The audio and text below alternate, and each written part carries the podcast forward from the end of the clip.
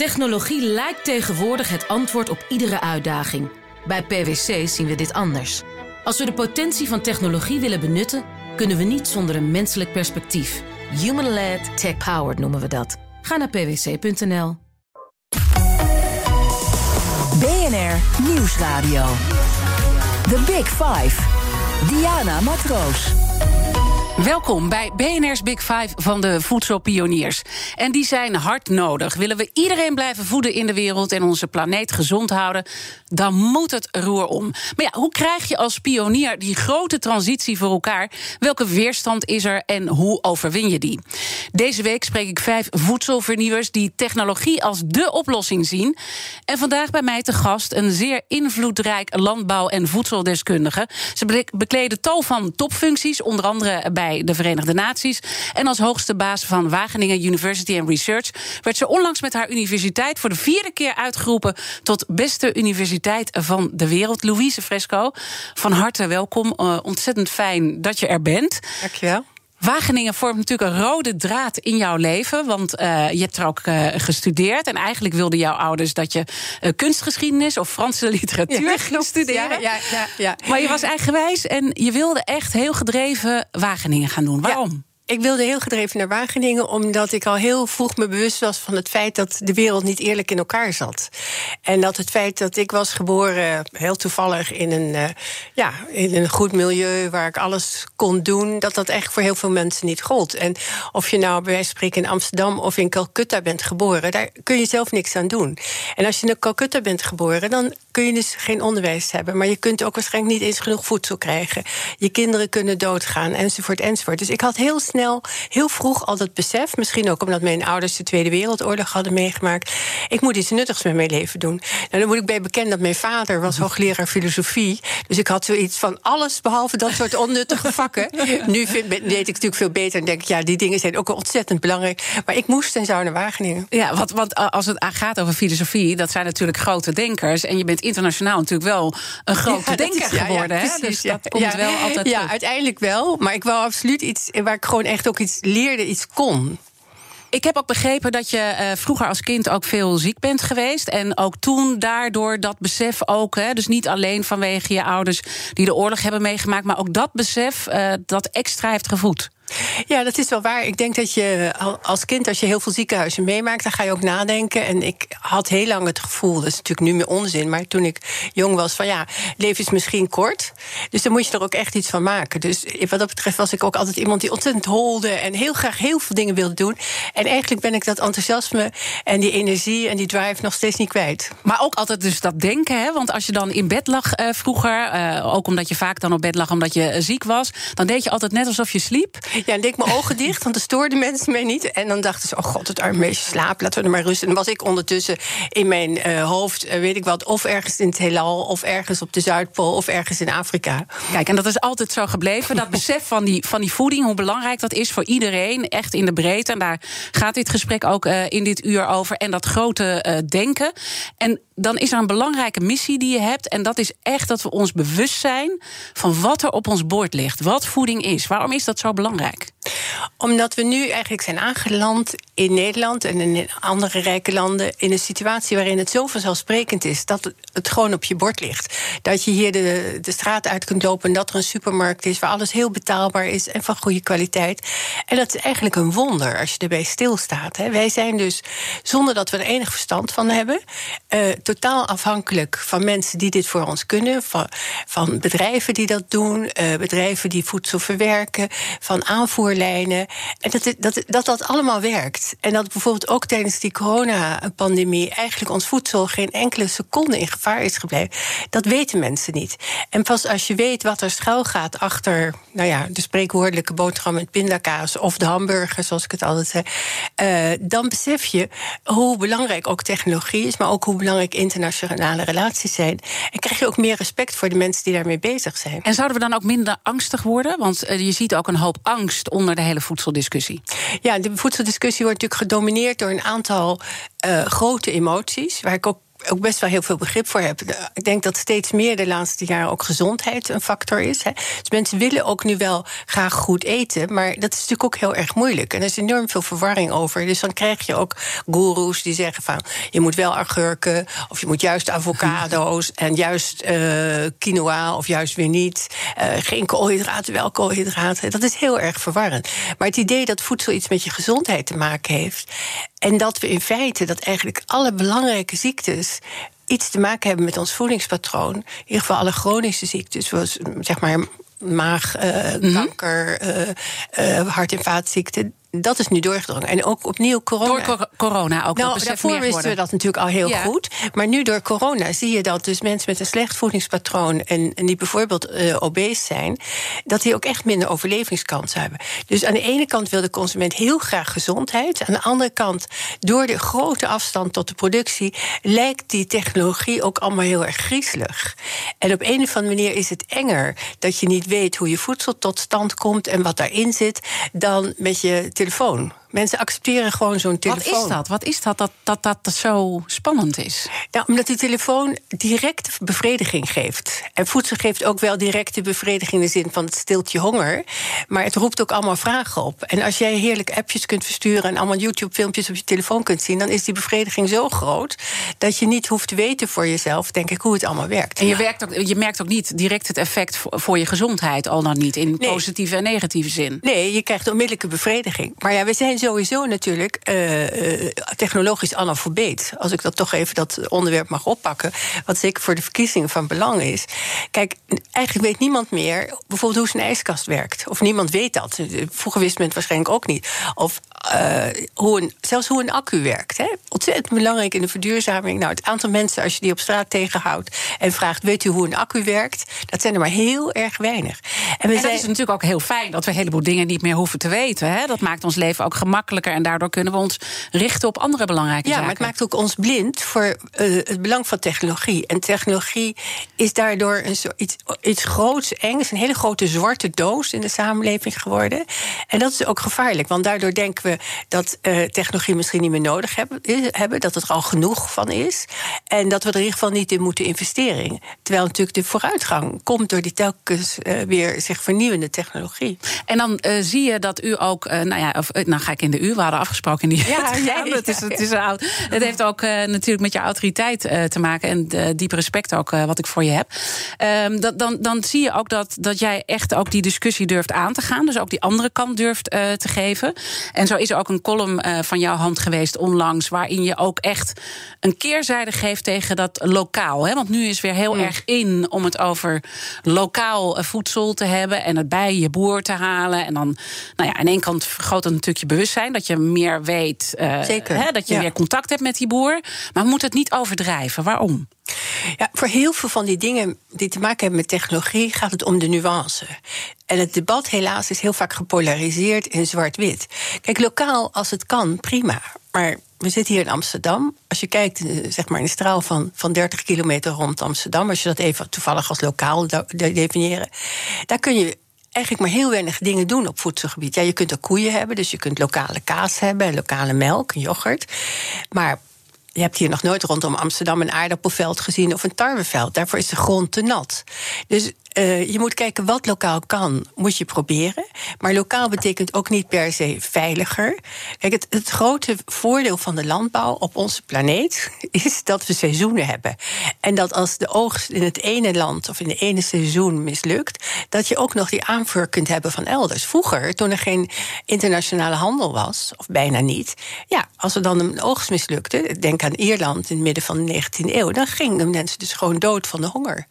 Dus we hebben ook uh, eten van elders nodig. Altijd, en het is ook ja. niet altijd per se gezonder. Ik bedoel, het is wel natuurlijk beter voor het milieu als het misschien van dichtbij komt. Of is dat ook Ja, nou, dat hangt van af waar je het over hebt. Kijk, uh, je moet je afvragen of wij massaal uh, met kerstmis aardbeien moeten importeren van elders. Maar ook daar zit weer een andere kant aan. Uh, de, de, de boeren, of neem bijvoorbeeld de boontjes uit, uit Ethiopië in de winter. In Ethiopië zijn boeren die daarmee een inkomen verdienen die zo hun kinderen naar school kunnen laten gaan. En dat is ook een, een factor die je niet moet onderschatten.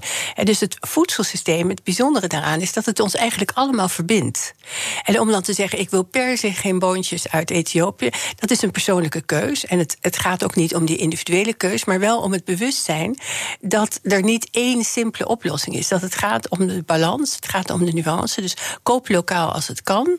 Maar besef ook dat je, die dat je zelf ook die internationale handelsketens nodig hebt. Ja, en dan merken we toch eh, op het moment dat je dat andere gezicht geeft, bijvoorbeeld die column, dat er dan hele heftige kritiek op komt. Ja, en dat is natuurlijk ook al eerder gebeurd uh, als het gaat om uh, je commissariaten. Hè, eerder voor Unilever, maar ook Syngenta, die natuurlijk in de chemische bestrijdingsmiddelen zit. er komt heel veel kritiek, ook op jou en jouw rol daarin. Wat doet dat met je? Nou, het is natuurlijk altijd naar als je niet goed begrepen wordt. En ik, ik plaats het ook in de polarisatie van het debat. Want ik krijg natuurlijk ook een heleboel positieve reacties. Maar het is wel zo dat we ons zorgen moeten maken in Nederland dat er zo'n houding is die nu echt anti-bedrijfsleven is. En dat miskent eigenlijk de belangrijke rol die het bedrijfsleven ook heeft in vernieuwing. Ik bedoel, alles wat we aan apparatuur hier om ons heen hebben, is niet het gevolg van overheidshandelen. Dat is het gevolg van bedrijven die zijn gaan vernieuwen. Of het nou de computer is, of de geluidsapparatuur, of wat dan ook. En waar het om gaat, is dat je een balans hebt in een land ook tussen wat de overheid stimuleert aan, aan nieuwe technologie, nieuw denken, wat bedrijven daarvan kunnen oppakken, maar ook dat, dat uh, consumenten begrijpen dat je dat allemaal ook nodig hebt. En het is niet zo dat, dat, dat dingen zwart-wit hoeven te zijn. Nou is het wel zo dat ook er bedrijven zijn die zich slecht gedragen, absoluut. Dus die controle is ook heel erg belangrijk, ja, en maar daarom, moeten niet daarom moet, je ook, daarom moet je ook uh, raden van toezicht hebben met onafhankelijke denkers zoals ik, die zeggen van ja, wacht even, eh, waar gaat dit over en waarom doen we dit? Dat is ontzettend belangrijk. Uh, en gelukkig is vandaag de dag natuurlijk de transparantie veel groter dan zeg 20 jaar geleden. The Big Five. Diana Matroos. Deze week spreek ik met vijf voedselpioniers. Eerder deze week sprak ik met uh, Meini Prins van Priva, Kees Kruidhof, voormalig kroonprins van Unilever, die zich nu met een heel nieuw bedrijf uh, geheel op de plantaardige voeding stort, omdat het ook een gigantische markt wordt, dus het is ook een commercieel belang. En ik sprak met Jaap Korteweg, oprichter van de Vegetarische Slager, die zich intussen op de volgende voedselrevolutie stort. Al die gesprekken zijn terug te luisteren in de BNR-app. Mijn gast vandaag is Louise Fresco. Zij is bestuursvoorzitter van Wageningen University En Research. En we hebben ook altijd een kettingvraag hier in de uitzending. Onze gasten stellen elkaar uh, vragen. En mijn gast gisteren was Roland van der Vorst. Hij is hoofd innovatie internationaal van de Rabobank. En hij had uh, deze vraag voor jou. Wat ik uh, bijzonder aan Louise Fresco vind, is dat ze. Um, blijk geeft van een grote culturele zou ik zeggen, interesse. Ze noemt zich als columnist, ook schrijver. En dan pas. Dus uh, tegelijkertijd is ze wetenschapper en bestuurder. Dus mijn vraag is eigenlijk, uh, zou zijn aan haar... Uh, hoe helpt het, hoe helpt je hele culturele belangstelling... je eigenlijk als bestuurder in een technische omgeving? Ja, ontzettend leuke vraag. Uh, waar ik heel lang over zou kunnen mhm. praten. En uh, sterker nog, wel eens een boek aan heb gewijd. Dat heet ook Kruisverstuiving, Kunst en Wetenschap. Uh, je kunt natuurlijk wetenschap niet in, in isolement zien of, of technologie. Hè. We, we, leven in een cultuur en, en, in die cultuur zijn ook culturele uitingen. En voor mijzelf heb ik het altijd een, een ontzettende verrijking gevonden om iets te weten en ook niet alleen maar passief te consumeren, maar ook te weten iets van muziek, van, muziek, van kunst enzovoort. En ik denk ook dat het je een soort relativering geeft. Ik zal je één voorbeeld noemen wat, wat me heel erg is bijgebleven. Ik was een keertje in Venetië voor een uh, vergadering van de IPCC. Dat was het grote uh, overlegorgaan over klimaatverandering en de wetenschap daarvoor. En we waren bezig met een nieuw onderwerp. En uh, tegelijkertijd was het Aqua Alta, zoals dat heet, dus dat, dat hoogwater. En uh, ik bezocht toen een kerk en die kerk was daar neergezet uh, als dank voor het bestrijden van de pestepidemie. Die kerk is prachtig in zichzelf. Mm En toen dacht ik, ja, hier komt eigenlijk alles samen. Ook die relativering, dat je weet dat ook in de 15e eeuw er al een pestepidemie is geweest. Dat het water eigenlijk ook altijd een strijd is geweest. Dan, dan krijg je een, een gevoel van tijdsperspectief, waardoor je ook je eigen inspanningen als het ware kunt, uh, kunt zien in een, in een relatief perspectief. En als we dan dat tijdsperspectief uh, pakken en eventjes op de huidige situatie pakken Waar je toch ook een soort. Oh, we, hebben, enerzijds die polarisatie, maar anderzijds zie je ook wel een omslag in het denken als het gaat om de landbouw. Waar natuurlijk aan de ene kant het verwijt is: uh, de biodiversiteit neemt af. We hebben het land te veel uitgeput. en we moeten naar een ander uh, verhaal toe. Waar zitten we dan op dat punt in die omslag? Kijk, dat er een transitie al bezig is en dat die ook in de, de ervaring van het publiek steeds sterker wordt, dat, dat is duidelijk.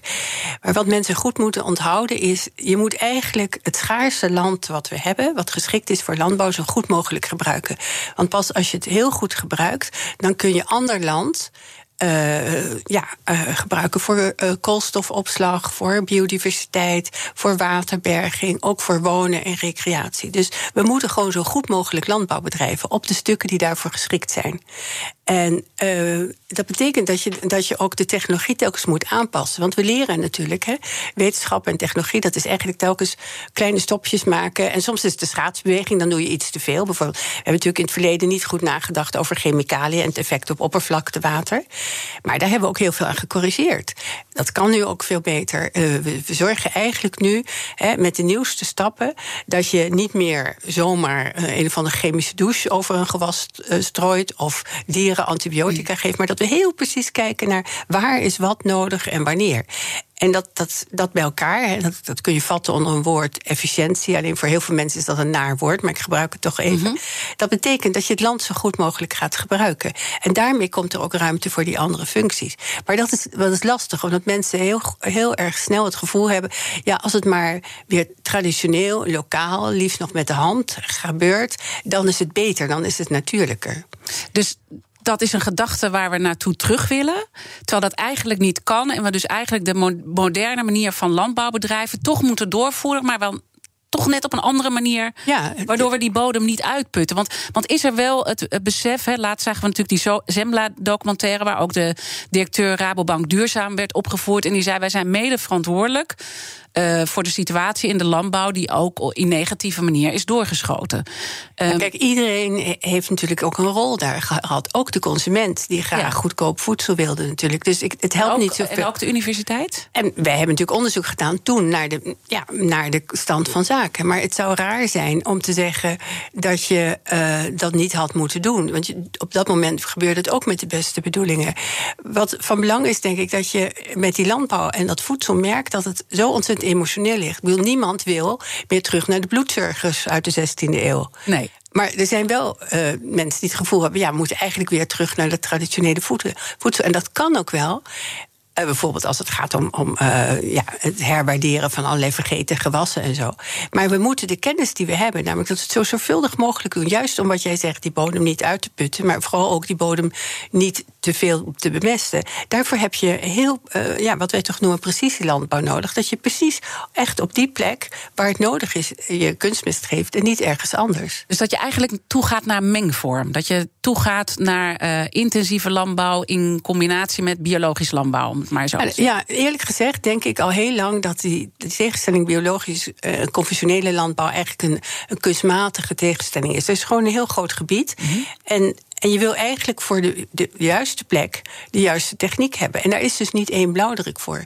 Dus wat de biologische landbouw goed heeft gedaan, is, is aandacht uh, leggen op bijvoorbeeld het verminderen van allerlei chemicaliën. Overigens is een deel daarvan ook ontwikkeld hè, van die geïntegreerde bestrijding in Wageningen. Niet aan de biologische kant, maar juist door onze insectenkundige entomologen. Maar wat je moet doen, is de beste elementen van overal. En dat is niet een zwart-wit tegenstelling.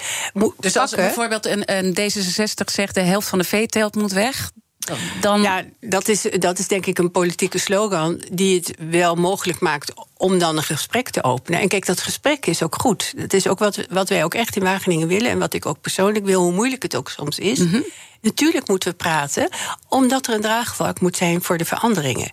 Maar ik wil wel graag praten op basis van, van feiten. Dus in het geval van, van D66 hadden wij notabene al van tevoren een gesprek gevoerd met hem. Daarna weer een gesprek, uh, of mijn collega's. Van ja, luister, je kunt dat niet zomaar roepen. Dan moet je, kom dan, hè, met bij wijze van spreken, namen, rugnummers en getallen. Maar goed, soms moeten politici iets roepen om iets aan de orde te stellen. Dus daar Dus hebben we ook nog wel. dan. Ja, dat gebeurt natuurlijk. Maar laten we dan wel het gesprek doorzetten. En waar ik niet van houd, is, is eh, van die slogans en dan houdt het op. Want ik zit ook elke keer aan de boeren te denken hè, in die hele discussie. En we zien natuurlijk ook boze boeren als het gaat om die eh, stikstofdiscussie. hoe, hoe worden boeren weer onderdeel van de oplossing? Want ze worden zo als een probleem gezien. Dat lijkt me killing voor de opvolging van boerenbedrijven. Ik bedoel, welke jonge boer wil er nog boer worden? Absoluut, absoluut. En het is niet alleen die boeren, maar het is natuurlijk ook eh, de hele verwerkende industrie. En mijn antwoord daarop is: eh, als we straks naar een niet-fossiele samenleving willen, hè, zeg in 2050, dan wordt biomassa het allerbelangrijkste wat we gaan produceren. Want dan heb je niet alleen maar nodig bijvoorbeeld als, als brandstof of zo, dat is nog het minste. Maar alle chemicaliën die nu uit de petrochemische industrie komen, voor de farmacie, maar ook voor, de, voor allerlei andere toepassingen, plastics enzovoort, die moeten dan uit de landbouw komen. Dus de landbouw wordt met andere woorden de belangrijkste sector in 2050. Met alle verwerkende industrie die daarbij hoort. En daarmee geef je dus ook boeren weer een soort trots. Maar er moet natuurlijk heel veel veranderen. Alle, sommige bedrijven kunnen ook niet meer en ze kunnen niet meer hier.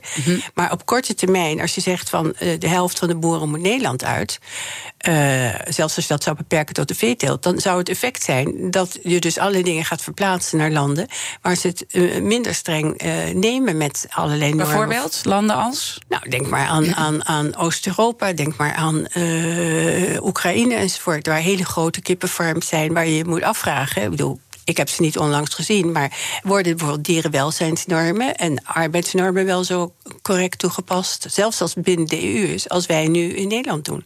Dus we moeten eigenlijk hele kleine stapjes nemen om tot die verandering te komen. Nou, we kunnen soms wel grote stappen nemen. Wij zijn bijvoorbeeld bezig bij Lelystad om echt te experimenteren weer met wat je noemt gemengde teelt. Dus verschillende soorten gewassen door elkaar. Vroeger kon dat niet, want je moest alles mechaniseren.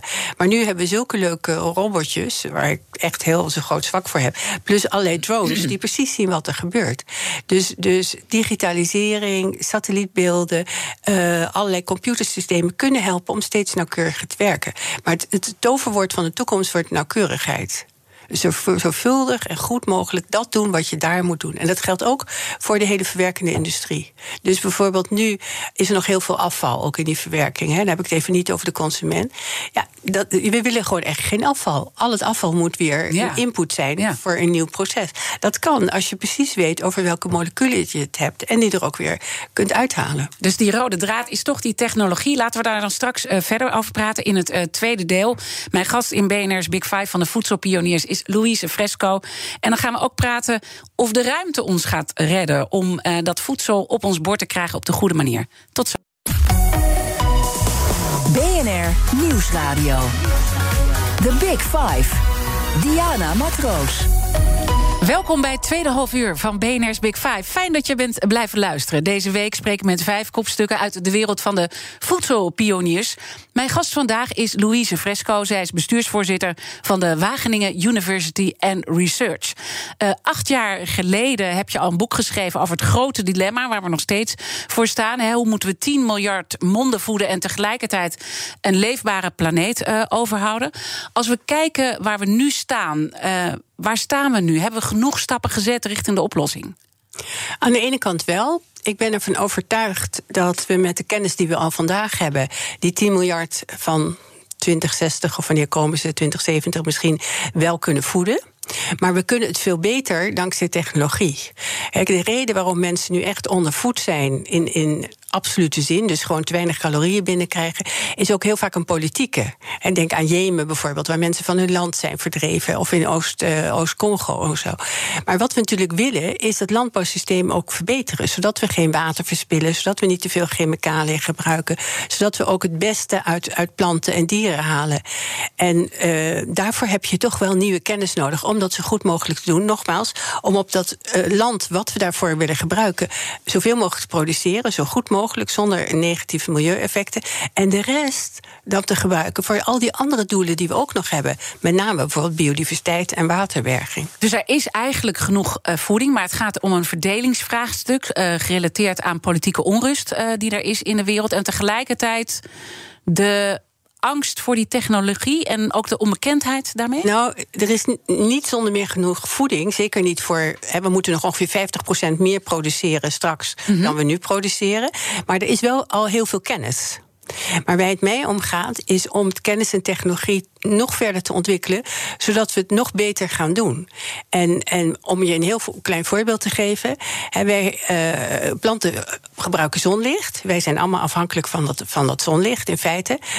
Planten doen dat op een ontzettend inefficiënte manier. Waarom? Omdat zonlicht gewoon niet beperkend is. De zon is er vele, vele, vele eh, malen meer dan wij nodig hebben. Uh, dan de planten nodig hebben. Dus in de loop van de evolutie is een plant nooit efficiënt geworden in het gebruiken van zonlicht. Bijvoorbeeld wel vaak in het gebruik van water. Uh, en het mechanisme wat planten hebben om, om dat proces, dat heet fotosynthese, het omzetten van zonlicht in, in koolhydraten of in stoffen die we kunnen gebruiken.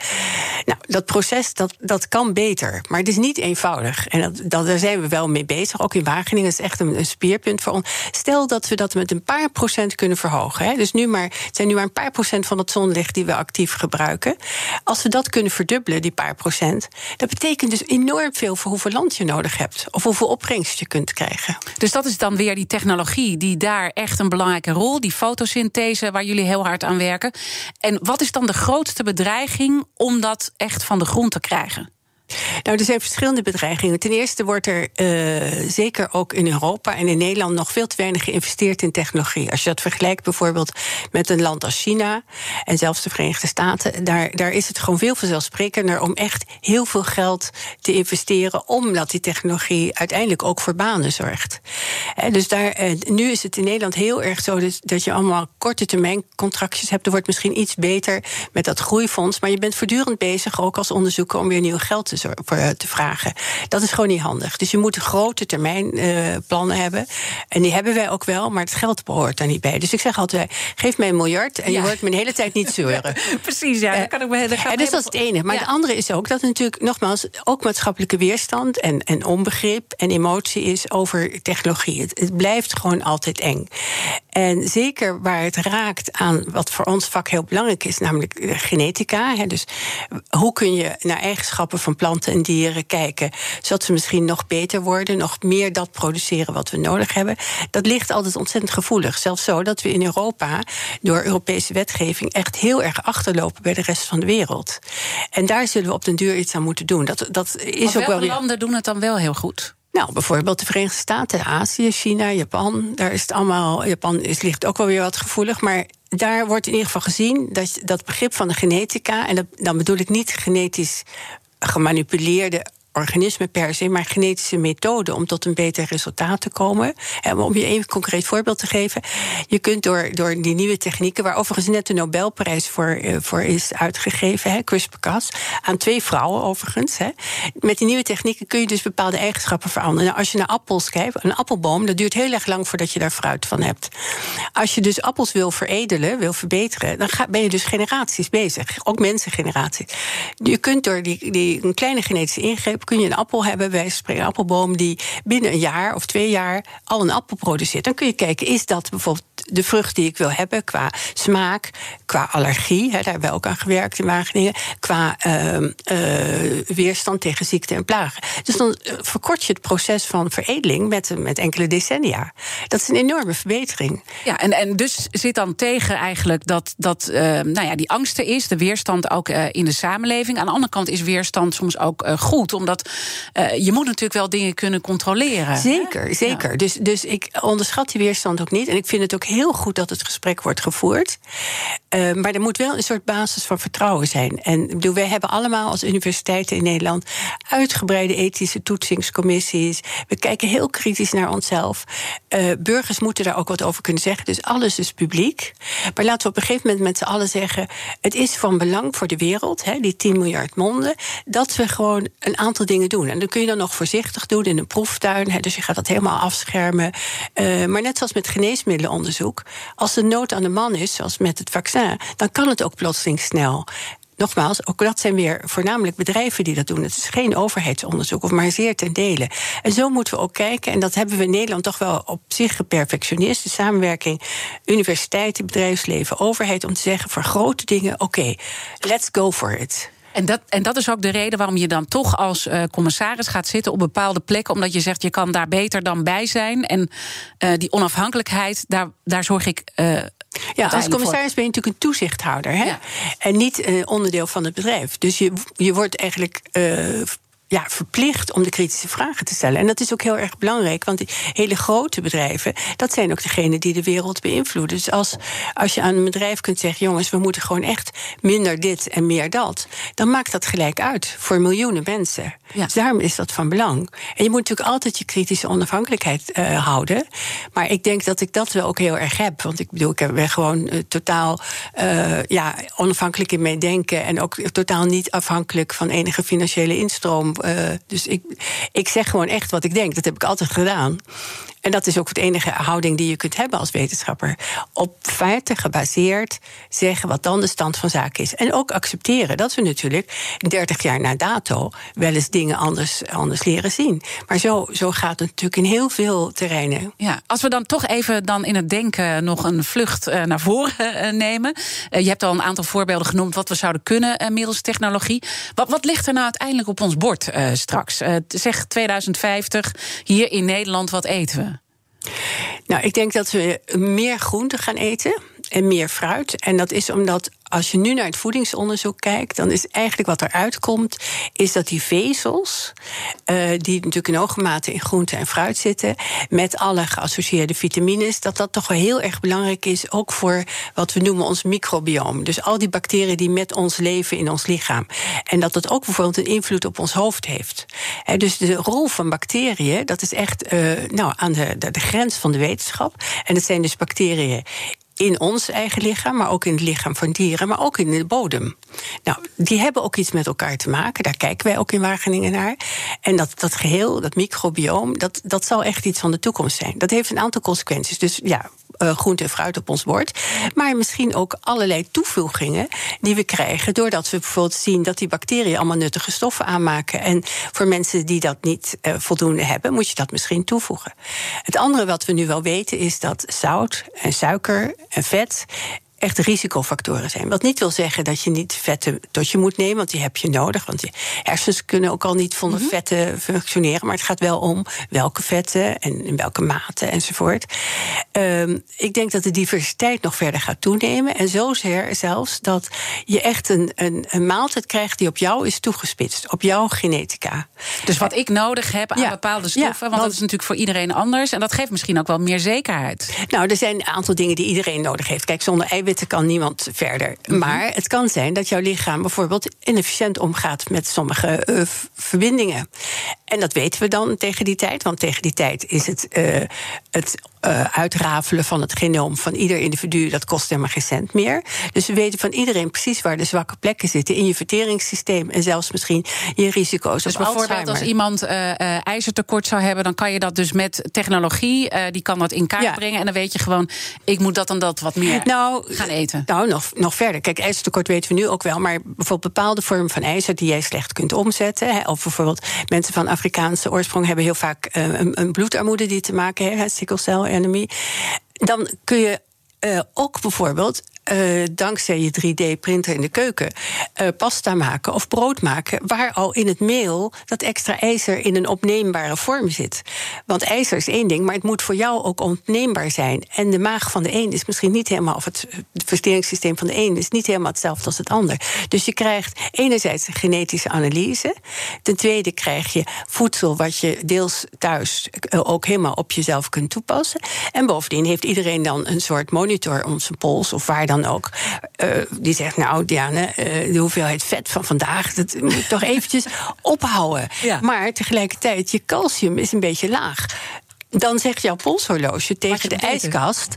Uh, zet, de calcium, zet de calciumrijke melk even klaar. Dan zegt de ijskast, die is net op. Maar die bestelt dan op het internet onmiddellijk jouw calciumverrijkte melk. Ongelooflijk. Hoef je nergens meer over na te denken. Ik wil straks nog wel even weten of daar ook een keerzijde aan zit. Ja, maar je noemde ook nog eventjes de 3D-printer... Uh, waar we dan uiteindelijk zelf ons voedsel uh, gaan nou, een deel, een deel. We gaan natuurlijk niet aardbeien printen of zo. Nee. En, en bijvoorbeeld groenten op Mars?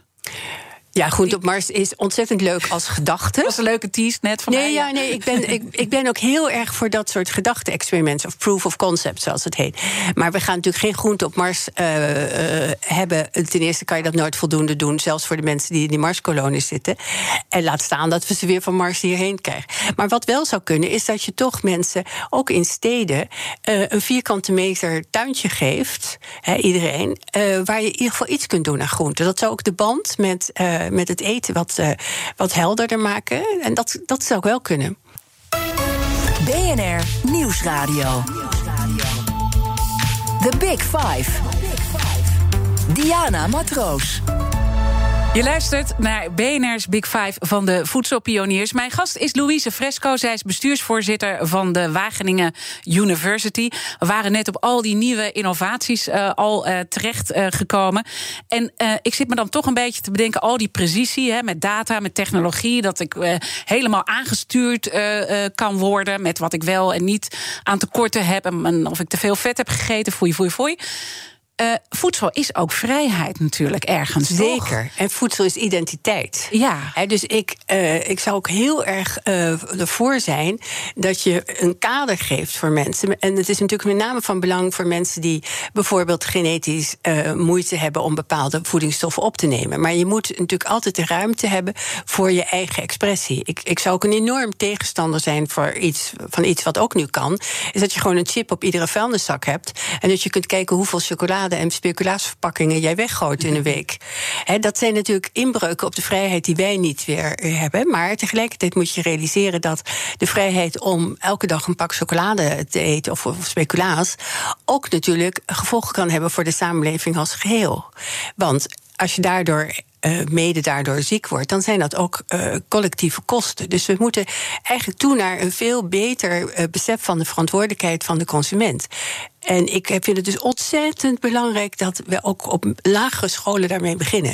Ik heb niet voor niets twee jaar geleden ook een kinderboek geschreven over ja. gezonde voeding en, en, en, en tuinen enzovoort. Hamburgers uit de moestuin. Juist omdat ik het idioot vind, eerlijk gezegd, als ik het woord mag gebruiken, dat wij op scholen daar zo weinig gaan doen. Ja. Dat is toch he, zeker. Maar, maar doen we er thuis voldoende aan als het gaat om de opvoeding? Hè? Want je kan allerlei dingen uh, ja, gaan regelen met, met technologie. En we moeten dus ook uh, nou ja, goed mee leren omgaan. Dat gaat over gedrag. Dat ligt ook thuis, toch? Zeker, het ligt ook thuis. Maar het is niet of-of. Mm -hmm. Het is dus ook en thuis, maar je hebt ook mensen die bijvoorbeeld eenoudergezinnen, waar de moeder gewoon heel druk is. En ja, dan kan je ook niet zeggen van nou, het is gewoon slecht en je mag die kinderen niet een stuk pizza geven. Ja, dat zal toch gebeuren. Maar waar je mee moet helpen is dat die kinderen ook bijvoorbeeld leren koken. Als die moeder te druk is, als zij het leuk gaan vinden en op school leren hoe ze moeten koken, kunnen ze ook samen iets doen.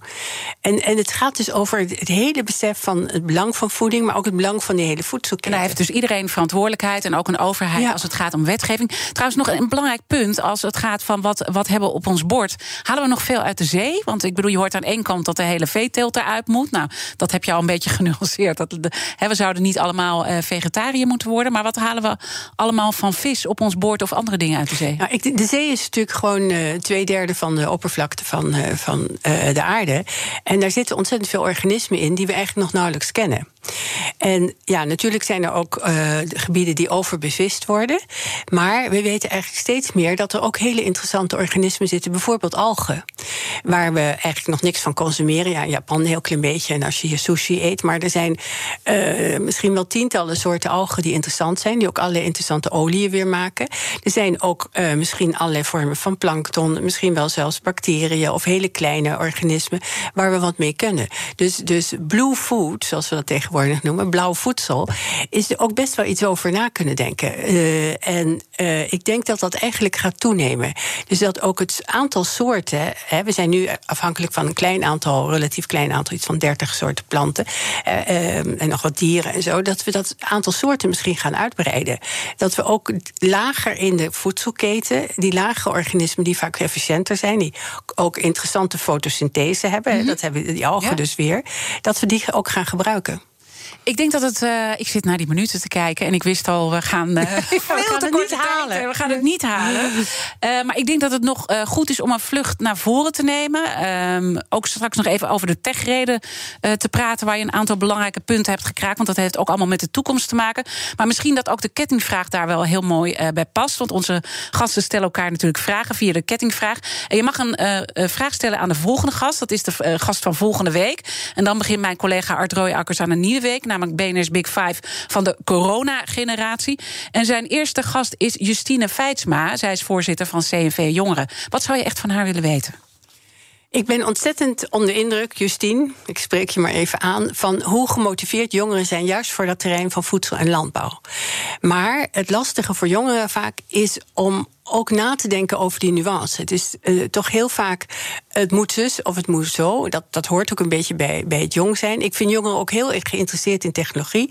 En mijn uitdaging zou eigenlijk zijn: hoe kunnen jullie sociaal voelende technologie ontwikkelen en hoe kunnen we jongeren daarbij betrekken? Mooie vraag. Dat gaat eh, mijn collega Art zeker stellen uh, maandag. Uh, dan zit ik ook even te denken hoe we dan van jou op dat punt nog kunnen leren. Als een soort boodschap. Want eigenlijk is jouw boodschap: het is veel complexer dan we eigenlijk denken. Er is een bepaalde kennislacune. je hebt hier ook het een en ander over gezegd in de techreden. En dat is ook vanuit jouw functie als voorzitter van vier technische universiteiten natuurlijk. Neem ons even mee wat de belangrijke dingen zijn richting de toekomst. Ik denk dat we in de toekomst uh, vooral iedereen nodig hebben die creatief is. En dat is het leuke van die techreed. Daar zitten dus jonge studenten, of net afgestudeerden... en die, die bedenken gewoon helemaal vrij van wat zouden, wat, zouden we kunnen. En er komen fantastische dingen uit. En er zijn ook natuurlijk dingen die we nu nog niet kunnen verzinnen... maar wat je wel weet is dat uh, digitalisering, maar ook het gebruik van drones... het precies monitoren vanuit de ruimte wat er gebeurt... of het nou ontbossing is, of hoe rivieren lopen... zelfs vervuiling in rivieren kun, meten, kun je meten. En er zijn nu bijvoorbeeld hele kleine digitale metertjes, sensoren. Die zien eruit als grof zand. Die gooi je in het water en die meten eenmalig de waterkwaliteit. Kun je gewoon een handje vol zand in het water gooien. Dus we gaan steeds meer nauwkeurigheid hebben in het meten van de effecten van landbouw en van voedsel. En je wc wordt straks ook een slimme wc die even kijkt van hé, hey, Diana, mm, sorry, maar uh, ze zal niet in details treden. Maar daar, dus, dus het gebruiken van die creativiteit van jongeren die nog niet zo vastzitten in uh, ja, maar dit is mijn vakgebied en over de rest kan ik niks zeggen. Dat is ontzettend belangrijk. En ik merk dat de jongste generatie eigenlijk helemaal niet zo anti-technologie is. Het grappige is dat het verzet tegen de technologie, de kritiek daarop vaak uit de generatie van de, de 40-plussers komt. En als we dan eventjes uh, ja, heel hard naar de Kamer kijken, uh, iedereen die daar zo'n beetje zit is 40 plus. Ja, en bovendien zit er ongeveer één ingenieur in. En ook in het kabinet zitten heel weinig mensen met een exacte opleiding. En dat is wel onze zorg, ook, ook als technische universiteiten. Dat, er, dat wij straks helemaal niet, goed, niet voldoende op goed opgeleide technische mensen hebben, ingenieurs en anderen, die dat kunnen gaan doen wat wij heel hard nodig hebben. En dan blijf je natuurlijk ook zitten in die kennislacune die er dan uh, is. En daarmee dus ook de angst voor dat technologie. Want we weten toch niet precies wat er gaat gebeuren. En uiteindelijk. Uh, Uh, kunnen politici daar misschien moeilijk mee omgaan nu, in deze huidige tijd? Ik denk dat, dat politici heel vaak niet werk, weten hoe iets werkt. En ook niet gehinderd willen zijn door al te veel cijfers. Maar mijn antwoord daarop is niet alleen maar cijfers in hun kop stampen, maar ook zeggen transparantie. Transparantie, vertrouw ons dat wij inzage mhm. geven in wat we doen als wetenschap en technologie.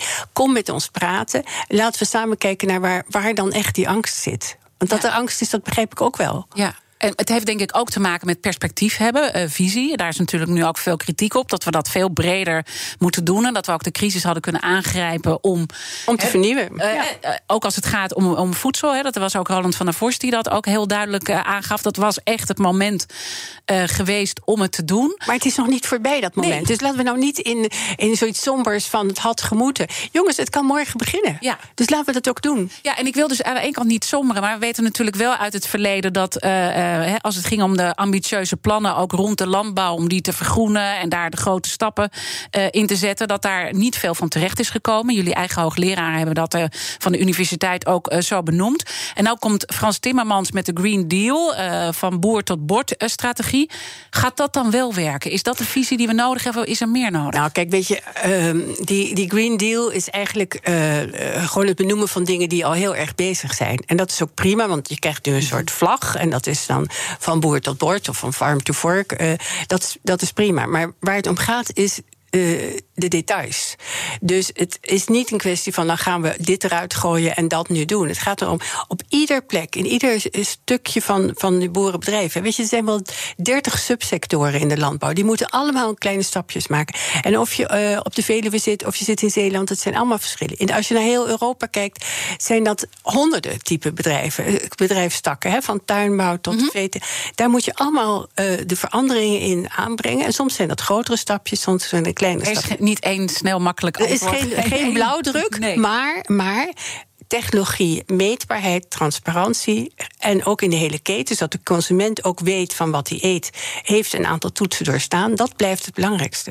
Gaan we een keertje verder praten? Ja, Want we zijn nog niet klaar uh, eigenlijk. Uh, heel korte vraag nog, wat ga je straks eten?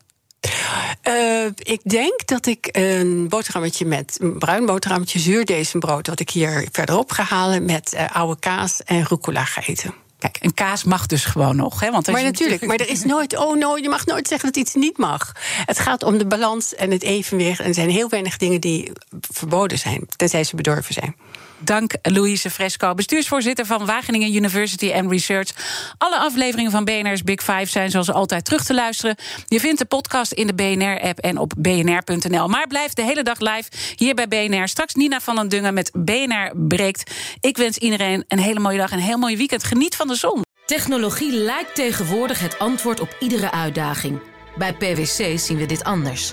Als we de potentie van technologie willen benutten, kunnen we niet zonder een menselijk perspectief. Human-led, tech-powered noemen we dat. Ga naar pwc.nl.